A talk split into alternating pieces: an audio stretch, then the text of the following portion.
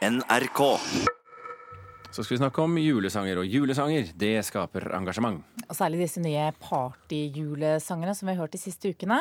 Sanger og artist Rein Alexander mener at eh, disse sangene som nå ligger på toppen av hitlistene her i landet, ikke er julemusikk. I helgen så fortalte vi her i NRK at eh, julesangen til Linni Meister og co. f.eks. den ligger på toppen av VG-lista og strømmes nesten 200 000 ganger i døgnet på Spotify. Men denne musikken er bare dritt, mener Rein Alexander. Hør godt etter nå, for jeg har et spørsmål til deg. Er dette du nå får høre, julemusikk? Ho, ho, ho, da var det jul igjen. Pinnekjøtt og godteri og gløgg. Og ho, ho, ho, da var det jul igjen. Smiler selv om gaven min er stygg. Og ho, ho, ho. Har du gjort deg opp en mening? Er juletragedien av Linni Meister og Erik Follestad julemusikk? Da var det jul igjen. Det syns ikke sanger og artist Reine Alexander. Ja, julemusikk er det i hvert fall ikke, men det, det er jo ord inni der som Og så er det noen bjeller og Ikke tro at dette du får servert på radioen nå er noe annet enn dritt. For det er det det er. Kall en spade for en spade, og lær barna dine at dette er Det er bare tull. Jeg tror ikke de engang ser på det som annet enn en slags lett underholdning. Rein Alexander holder nå på med sin 15. juleturné, men han tar en liten pause for å si hva han syns om at partyjulemusikk topper både VG-lista og Spotifys toppliste i Norge. Fra dem, fra skaperne sin side, om man kan kalle det det, så må det jo være basert på bare tull. eh, Og for barn. Små barn. Likevel er juletragedien Norges soleklart mest populære låt for tida. Med nesten 200 000 daglige avspillinger på Spotify er den mye mer populær enn tradisjonell julemusikk, som f.eks. denne julemusikken her, fra Rein Alexander. Og helga natt og helga stund for verden, då Gud av människan til jorden steg ned. Det er eh, både surrealistisk og eh, selvfølgelig helt fantastisk. Det er jo ikke Det skjer jo ikke hvem som helst. Det sier Linni Meister, glamourmodell og nå også vokalist på en julehit. Hun syns ikke musikken hun lager, er dritt. Der må jeg si meg sterkt uenig. At han mener det, må han jo selvfølgelig få lov til å gjøre. Hvis han mener det er drittmusikk, så er det helt greit for meg. Jeg syns han eh, lager fantastisk musikk. Og hvis noen ikke liker den, herregud, sånn er det jo alltid. Den kan jo ikke bli likt av alle. Vil, vil du si det er julemusikk? Absolutt. Når det er sagt, så er det litt sånn Jeg skjønner at noen kanskje artister kan bli litt sånn provosert over at de useri useriøse artistene på en måte topper Spotify-listen og VG-lista osv.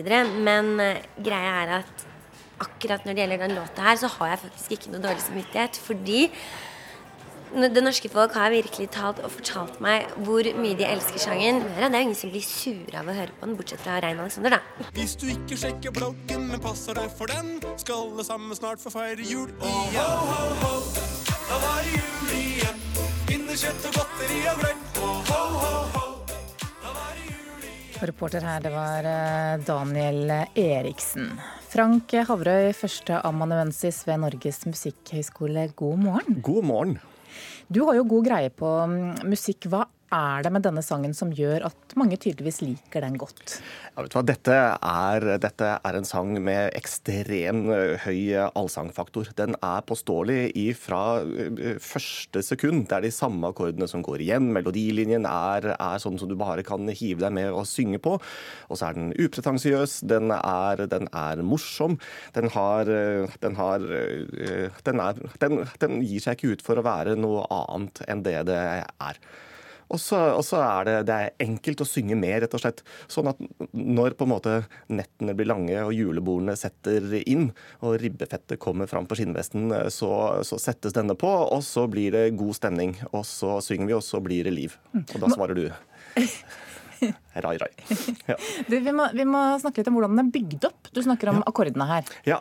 Det er, det er det samme akkordrekken som går igjen stort sett gjennom hele sangen. Eh, og, det, og det er på, på samme måte nesten som, som altså Hvis vi tar en sang som 'Born in the USA', for eksempel, som, som er, er liksom bygget litt på samme lest. Det er liksom det samme tema som er liksom både intro, vers, refreng og og gitarsolo, bare gjort på en kanskje litt mer genial måte enn akkurat juletragedien. Eh, så, så, er det liksom samme lest. Det, det, er, det, er, enkelhet.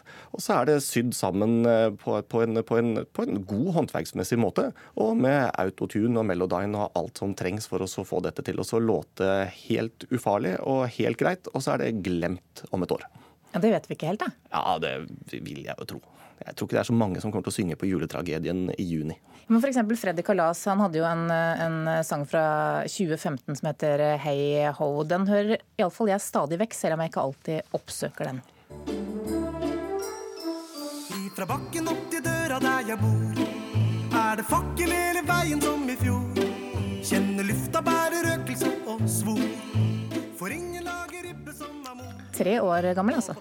Ja, Eh, all, all, kudos til Freddy Kalas for det. Og det er jo akkurat den samme sangen. Men det, og det, det er altså, det er bygget på den samme lesten, det er omtrent de samme akkordene og akkurat den samme tematikken, og med sterke søknader til Nødrimsklubben. Så sier også Rein Alexander at dette er ikke julemusikk. Eh, har han rett i det? Jeg vet ikke helt om altså Vi skal være litt forsiktige med å liksom definere hva som egentlig er julemusikk. Det, dette er selvfølgelig dette er musikk som kommer ut som handler om julestress. Det er med julebjeller langs hele. Det handler om eh, oppkjøringen til jul. Og det er musikk som vi hører på på julebord og på julefester. Og da er det vel julemusikk, da. Men det er jo milevis fra tradisjonell julemusikk, iallfall. Ja, men det betyr jo ikke at det ikke er julemusikk, skal vi, kan vi vel si. Hva, hva er det som kjennetegner tradisjonell julemusikk? Ja, Den tradisjonelle julemusikken altså ja, hva er egentlig det? det er, betyr det at det er det som alle, alle, alle, korene nå drar ut og synger? Er det 'Deilig er jorden'? Er det 'O helga natt'? Er det, er det alle disse kjente og kjære julesangene? Er det Bachs juleoratorium? Det, det, kan jo hende at det er det som på en måte Men, men, men kanskje det, det, blir litt, det, blir en litt kjedelig og fargeløs verden hvis vi bare skal, skal på en måte definere det som, som på en måte den høyverdige julemusikken. Men er det, altså disse nye julelåtene er de blitt en egen sjanger, vil du si? Ja, Det kan jo hende. Det ser jo litt sånn ut. At, at, at det kommer sånn med jevne mellomrom. At eh, som, som, eh, om vi får sånn sommerhiter, så skal vi nå få julehiter. Mm. Og det ja, det kan hende. Vi får se hva som kommer neste år. Hvem som da eh, kaster seg på bølgen. Det er flere eh, sanger i år som er Det er bl.a. en sang som heter 'Nå er det jul' med S-Player, som er eh, i hvert fall Jeg husker ikke alle som er med, men i hvert fall en blogger og, og litt forskjellig. Er det et slags generasjons, en generasjonsgreie også? Nei, det vet jeg vel egentlig ikke. Jeg, jeg prate så vidt det var med min 16 år gamle datter i går for å høre om dette var, om liksom juletragedien var en sang som de liksom spilte. Da. Og Hun sa at de hørte på den én gang i klassen, og så slo de den av fordi de syntes den var så dust. ok. Eh, er det lettere da, tror du, å lage en, en julelåt eh, enn en vanlig sang? Nei. Det å lage en god poplåt, det å lage en sang sånn som dette, det er vanskelig uansett. Det er, det er godt uh, håndverk. Det må man jo bare si. Og det er gode produsenter som har jobbet, og det er gode komponister som har jobbet. En god lydtekniker. Ikke fullt så gode sangere. Frank Kavrøy, takk skal du ha. Første amanuensis ved fagseksjon for dirigering, sang og kirkemusikk ved Norges musikkhøgskole. Tusen takk.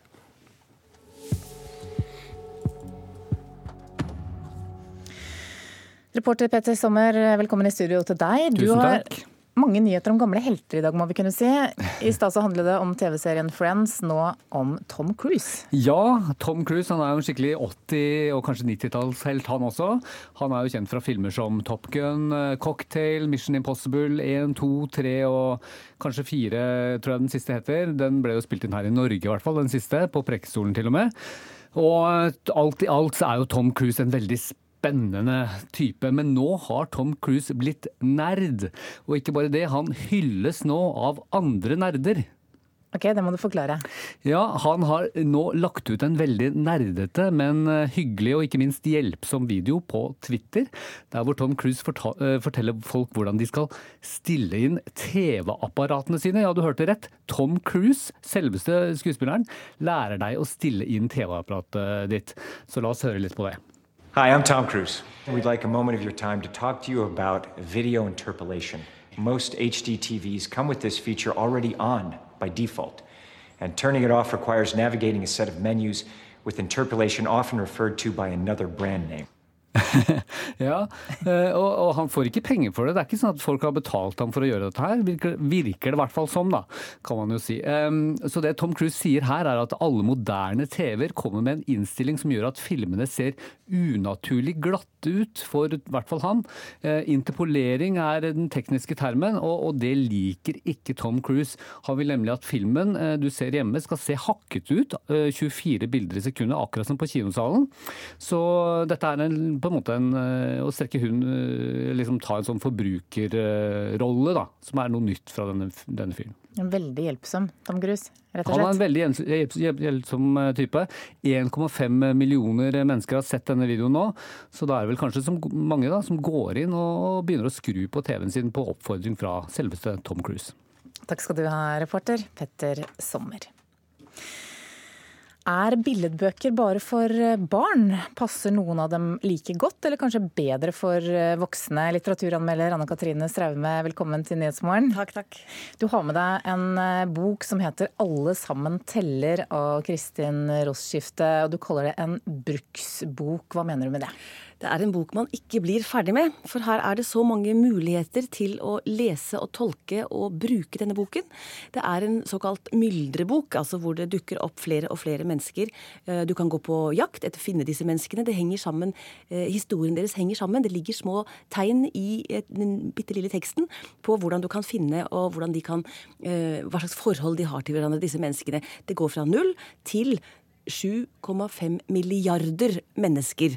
Altså Det er en tellebok, men den går fra det aller minste til det aller største. Og det er også filosofiske, eksistensielle perspektiver over denne bildeboken. Ja, for den er stor. Eh, du har den også med deg. Stor og fargerik. Eh, du må fortelle litt mer om hvordan den ser ut inni. Ja, den har sånn et slags eh, A5-format. Eller A3, kanskje. Dobbel A4. A3. Mm. Ja, nettopp. Og den åpner med noen blå, tynne streker. Her har vi bare natur. Skog, ingen mennesker. Ingen, står det. Men altså det fins jo noe der.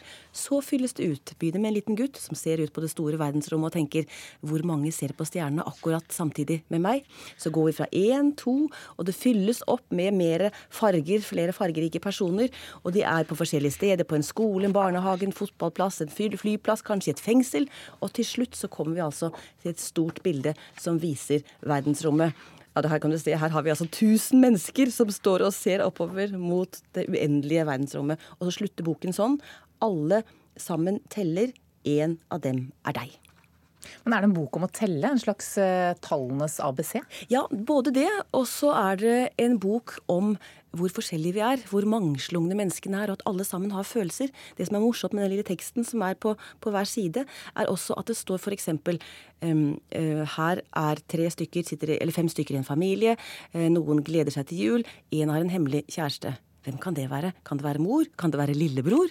Og så står det om følelsene til disse menneskene alle stedene, så du følger dem rent sånn følelsesmessig. Så det blir også en bok om hvem er vi? Ehm, hva er det som gjør oss til mennesker?